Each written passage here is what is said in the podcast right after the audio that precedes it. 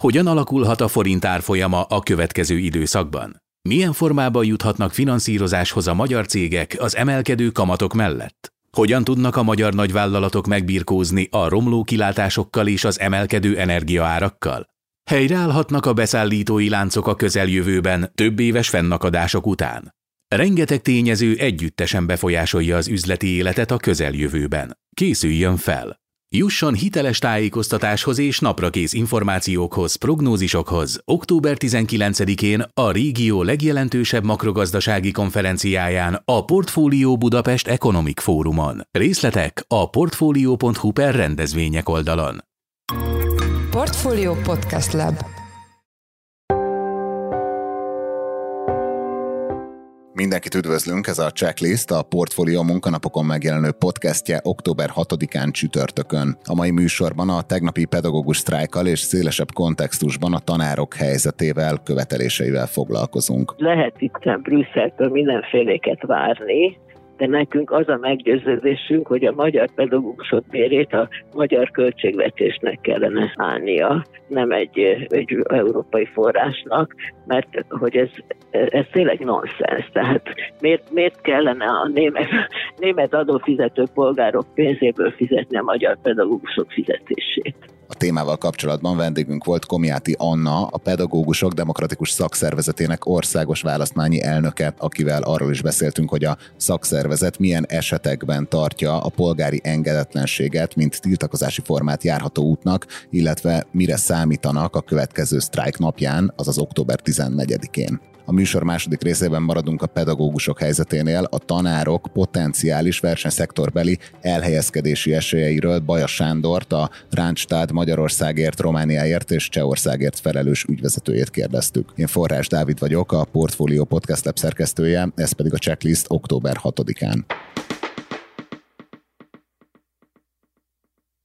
Jó ideje nem látott méretű bunkabeszüntetés, hídfoglalás, tüntetés zajlott szerdán Budapesten az oktatás helyzete miatt. A tegnapi eseményekkel, a pedagógusok követeléseivel, valamint a további érdekképviseleti tervekkel kapcsolatban itt van velünk telefonon Komiáti Anna, a Pedagógusok Demokratikus Szakszervezetének országos választmányi elnöke. Jó napot kívánok, üdvözlöm a műsorban. Jó napot kívánok, üdvözlök én is mindenkit. Kezdjük először azzal, hogy tegnap az a szerdán a munkabeszüntetés milyen formáját láthattuk. Hát tegnap a munkabeszüntetés többféle formája is megvalósult.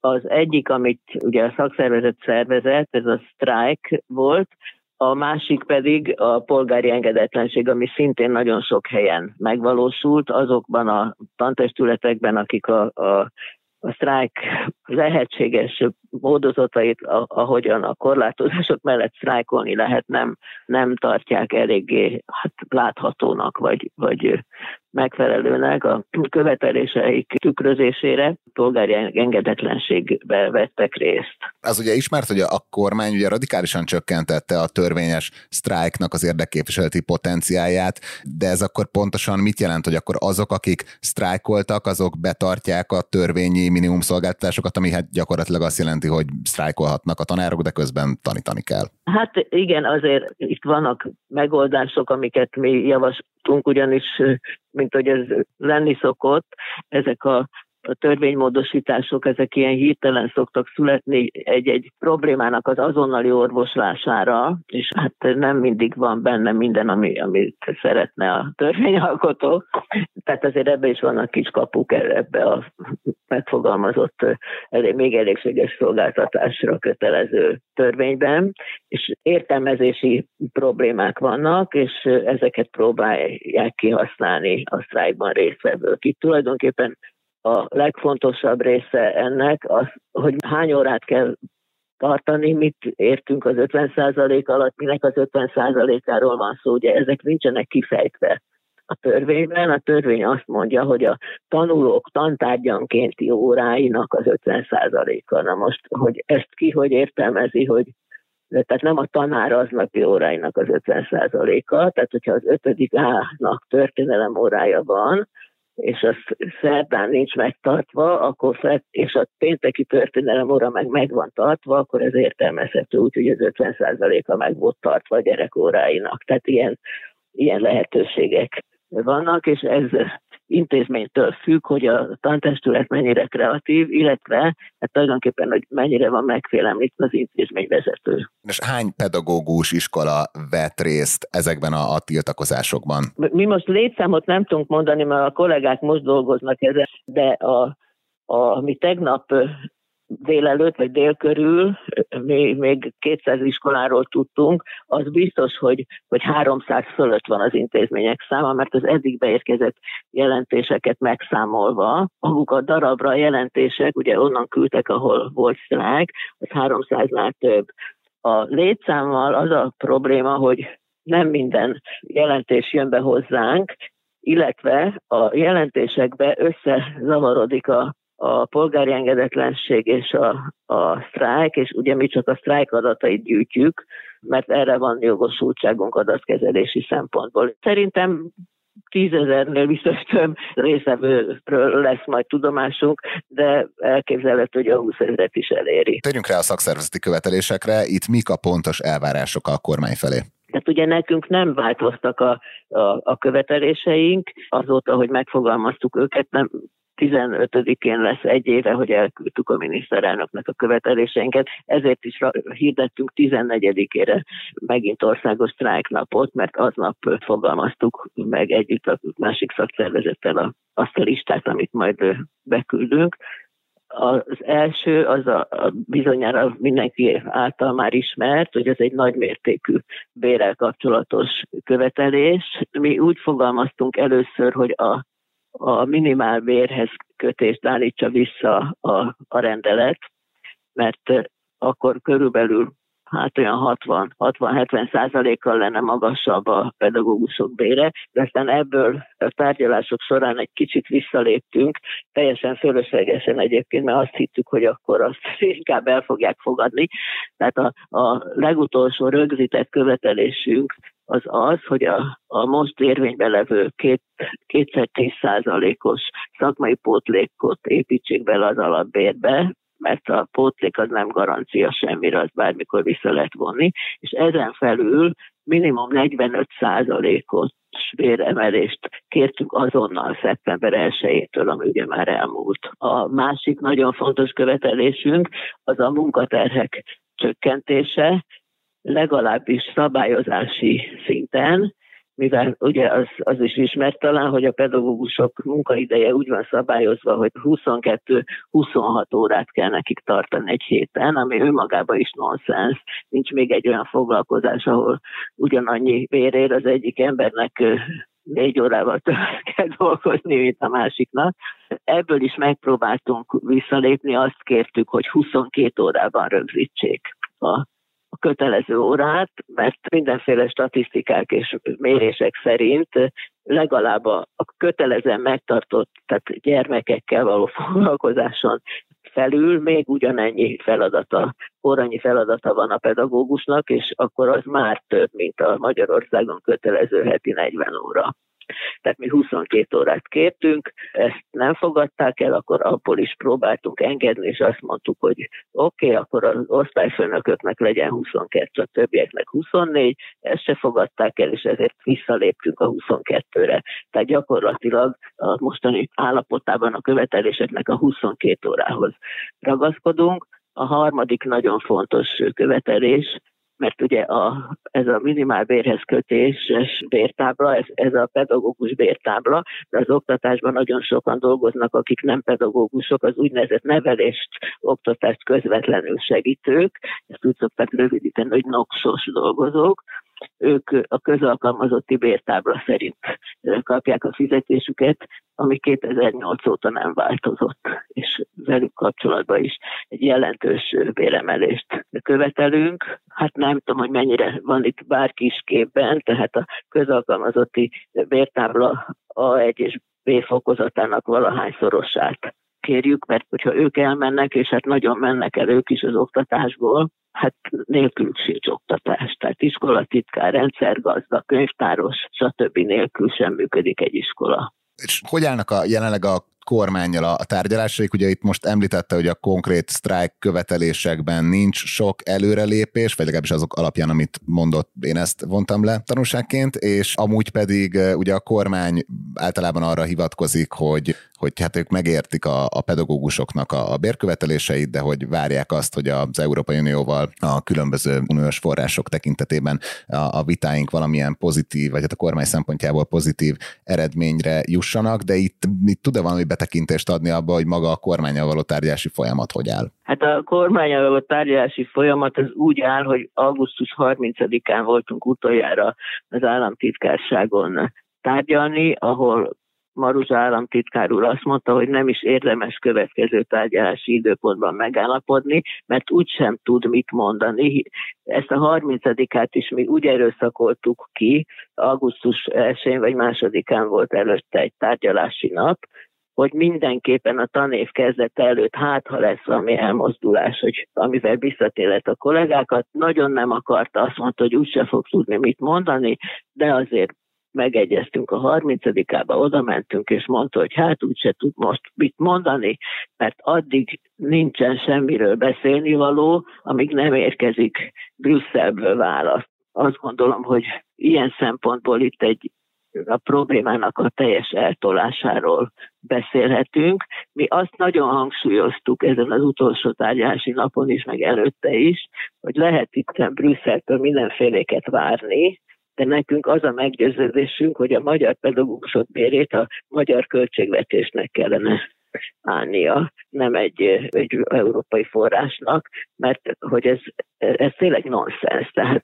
miért, miért kellene a német, német adófizető polgárok pénzéből fizetni a magyar pedagógusok fizetését? Egy szeptemberi polgári engedetlenségi akció miatt elbocsájtottak több tanárt a Budapesti Kölcsei Gimnáziumból.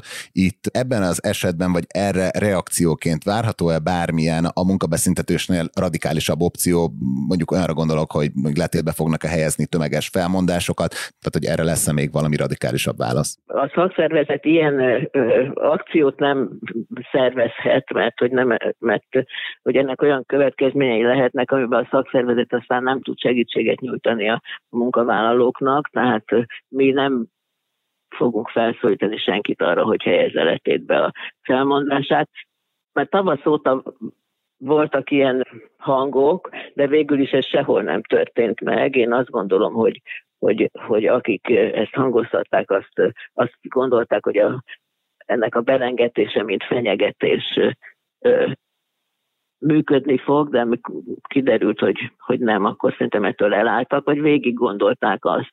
Tehát, hogyha egyszer valaki beadja a felmondását, és ezt elfogadják, akkor nem tudja meggondolni magát, akkor nincs állása. Tehát de hogy ebben úgy éreznek-e bármilyen felelősséget? Most mozgalmi szempontból kérdezem, hogy van egy országos probléma, és hogy az események folyásából adódóan gyakorlatilag hát valószínűséggel ugye egy öt tanárt büntetnek meg egy ilyen típusú esemény miatt, tehát hogy itt, itt látnak-e valamilyen szervezési vagy, vagy tényleg ilyen mozgalmi szolidaritási hiányosságot, ami miatt eleve előállhatott ez a helyzet? Én, én nem gondolnám, hogy itt szolidaritási hiányosságról volt szó, itt mi, a mi jogászunk, és mi is ezt közvetítettük mindig, azt mondtuk, hogy a polgári engedetlenség csak abban az esetben javasoljuk, vagy arra figyelmeztettük a, a tanárokat, hogyha egy intézményben sokan teszik ezt meg ugye a szeptember első napjaiban ezt valóban több helyen sokan megtették, volt, ahol ezt megismételték, de azt is sokan tették, a megismétlést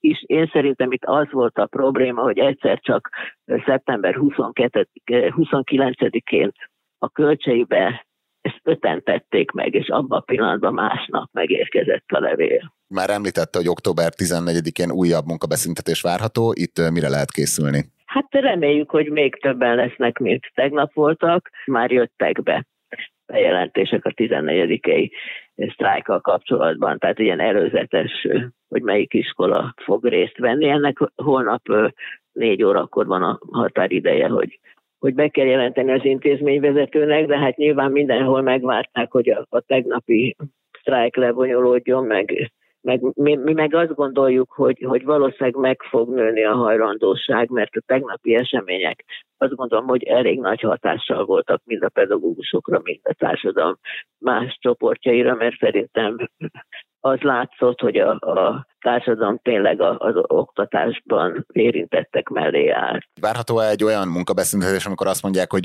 most már addig nem veszik fel a munkát, amíg nem rendezik a pedagógusok helyzetét? Hát az a, az a furcsaság, hogy ezt mindig tőlünk kérdezik, ugye a munkabeszüntetést nem a szakszervezet foganatosítja, hanem a szakszervezet hirdeti meg. Ezt az embereknek kell eldönteni. Tehát erre nekünk nincsenek jóslásaink. Hát, hogy beszélnek-e ilyenről, tehát nyilván ön jobban belelát ebbe a folyamatba, mint akár én vagy a hallgatóink. Ez, ez szerintem tantestületektől kéne megkérdezni. Ugye itt a, a sztrájknál más retorzió nem érheti a sztrájkolókat, mint a bér elvonás, mert azért hogyha valaki hudamosan sztrájkol mondjuk több héten keresztül, és akkor hát elég siralmas bérének is csak egy töredék hányadát fogja megkapni, azért a mostani, hát hogy mondjam, állapotban, amikor várják a, a megemelkedett rezsiszámlákat, azt gondolom, hogy erre nehezen tudnák rábenni magukat az emberek. Tehát egy 200 nettóból azt mondani, hogy a 150-etről lemondok, és akkor marad 50, ezt így elég, elég nehéz elképzelni, hogy ezt valaki bevállalja. Persze azt értem, de hogy ez önmagában nem rontja-e a pozícióikat mondjuk a kormányzattal szemben, hogy, hogy, hogy ez így napirenden sincs? Én szerintem rontja a pozícióinkat, de ez most csak magánvélemény volt. Nyilvánvaló, hogy a kormány azt használja ki, hogy a pedagógusoknak egy része olyan mértékben van kiszolgáltatott helyzetben, hogy nem engedhet meg magának sem anyagilag, sem, hát hogy mondjam, lelkileg komolyabb ellenállást, hiába nagyon elégedetlen és hiába van elkeseredve. Mi ezért mondjuk mindig azt, hogy bár a sztrájk az egy nagyon ellehetetlenített és nagyon megnehezített dolog, a polgári engedetlenség az olyan egzisztenciális kockázattal, illetve olyan lelki bátorságot igényel, hogy vidéken, a kisiskolákban, ahol teljesen ki vannak szolgáltatva a tanárok a, a helyi vezetésnek, ez nem elvárható, és mi ezért szoktuk mondani, hogy meg kell hagyni nekik a, a lehetőséget arra, hogy ők is tiltakozzanak, hogy ne mondhassa azt a kormány, hogy, hogy csak pár száz ember, vagy esetleg pár ezer ember tiltakozik. Tehát én azt gondolom, hogy a, a fővárosi gimnáziumok nagyon kitettek magukért tegnap, mert ugye ezt az élőláncot ők szervezték, de sokszor az ottani kollégák, amikor azt nyilatkozzák, hogy hát sztrájkolni nem érdemes, elfeledkeznek arról, hogy hogy nem szabadna így ketté szakítani a pedagógus társadalmat. Tehát ne, nem lenne jó, ha azt érezné a vidéki kisiskolában tanító tanár, hogy, hogy ő hát, hogy ő meg van szégyenítve azzal, hogy nem elég bátor. Hát nagyon szépen köszönjük, hogy betekintést nyújtott a, folyamatokba. Az elmúlt percekben Komiáti Anna, a Pedagógusok Demokratikus Szakszervezetének országos választmányi elnöke volt a Portfolio Checklist vendége. Köszönjük szépen, hogy a rendelkezésünkre állt. Nagyon szívesen, és viszont hallásra. Maradunk mai témánknál, a pedagógus sztrájknál, illetve a pedagógusok helyzeténél. Ahogy már a checklistben is volt róla szó, városi környezetben a versenyszektor komoly elszívó hatást gyakorol a közoktatás felé, mivel a tanárok viszonylag könnyen találnak munkát multiknál vagy más cégeknél. A téma ezen aspektusával kapcsolatban itt van velünk telefonon Baja Sándor, a Ránstát Magyarországért, Csehországért és Romániáért felelős ügyvezetője. Szia, üdvözöllek a műsorban! Üdvözöllek meg a hallgatókat is. Első kérdésem, hogy a, pedagógusi kezdőbér, ami ugye gyakornoki szinten, ami hát tulajdonképpen egy végzett pedagógust jelent, ilyen 200 ezer forint, ez, ez mennyire versenyképes a diplomás pályakezdők körében? Úgy is kérdezhetném, hogy mik a jellemző kezdő fizetések SS cégben, vagy, vagy olyan pozíciókban, ahol nem feltétlenül szükséges specifikus egyetemi végzettség, mondjuk egy mérnöki vagy egy jogi karnak a befejezése, de valamilyen diplomát azért elvárnak. Ezekben a szolgáltató központokban azért nem kell komoly diploma, mérik, hogy diploma legyen, meg nyelvtudás főleg, és azért a pedagógusok azok általában azért a most végzettek azért tudnak angolul, vagy németül, vagy mindkettőt, úgyhogy nyilván, hogyha valamiféle ö, olyan nyelvet beszélnek, ami egzotikusnak számít, lásd a hollandot, vagy a franciát, vagy az olaszt, akkor akár bruttó 500 ezer forintos fizetéssel is kezdhetnek ezekben a shared service Ezek olyan állások, ahol pénzügyi alap dolgokat kell csinálni, legyen ez egyszerű bármiféle vevői számlakezelés, vagy esetleg olyan vevőszolgálati munkák, amik nem kívánnak különösebben szofisztikált uh, tudást. És a, a nyelvtudáson kívül mik azok a képességek vagy, vagy tudáskörök, amik különösen alkalmassá teszik a pedagógusokat az ilyen típusú állások betöltésére? Hát ugye a pedagógusoknak az a jellemzője jó esetben, hogy azért szeretik a gyerekeket, az embereket, és ugye ez a vevőorientáltság, a, a más embereknek a meghallgatás azért ez nagy előnyt jelent számukra, úgyhogy ők azért elég hamar be tudnak illeszkedni azért ezekbe a munkakörnyezetekben.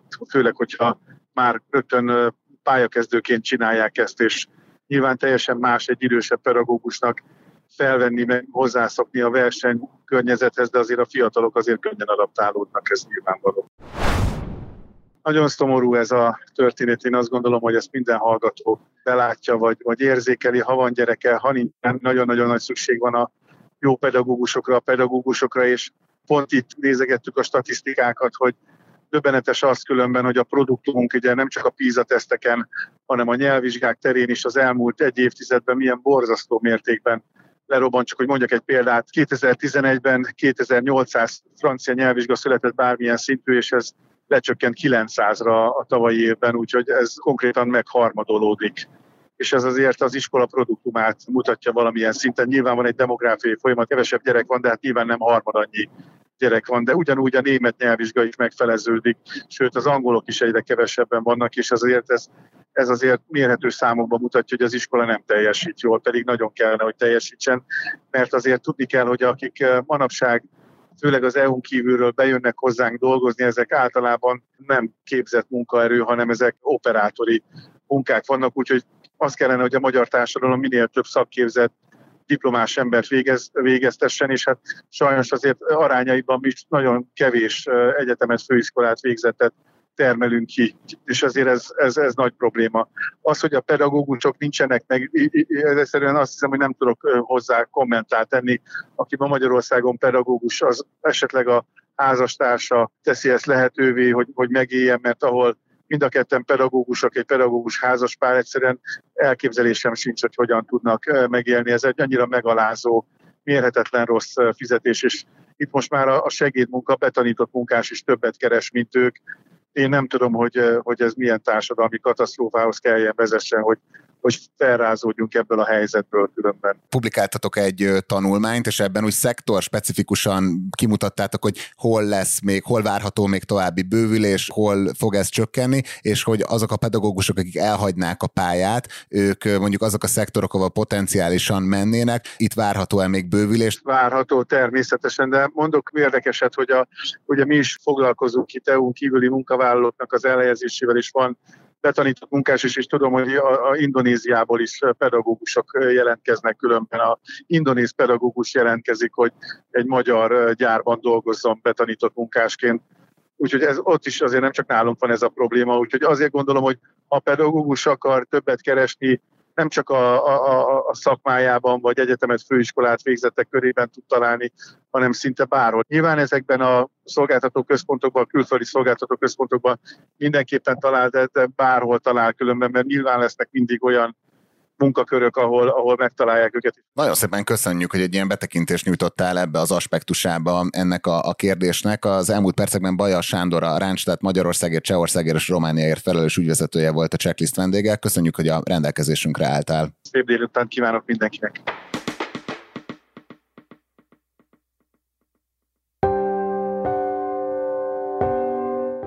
Ez volt már a checklist, a Portfólió munkanapokon megjelenő podcastje. Ha tetszett az adás, iratkozz fel podcast csatornánkra valamelyik nagy podcast felületen, például a Spotify-on, az Apple Podcast-en vagy a Google Podcast-en. Ha segítenél nekünk abban, hogy minél több hallgatóhoz eljussunk, akkor arra kérünk, hogy értékeld a Portfolio Checklist podcast csatornáját azon a platformon, ahol követsz minket. A mai adás elkészítésében részt vett Bánhidi Bálint és gombkötő Emma, a szerkesztő pedig én, Forrás Dávid voltam. Új adással holnap, azaz pénteken ötkor jelentkezünk, addig is minden jót kívánok kívánunk, sziasztok!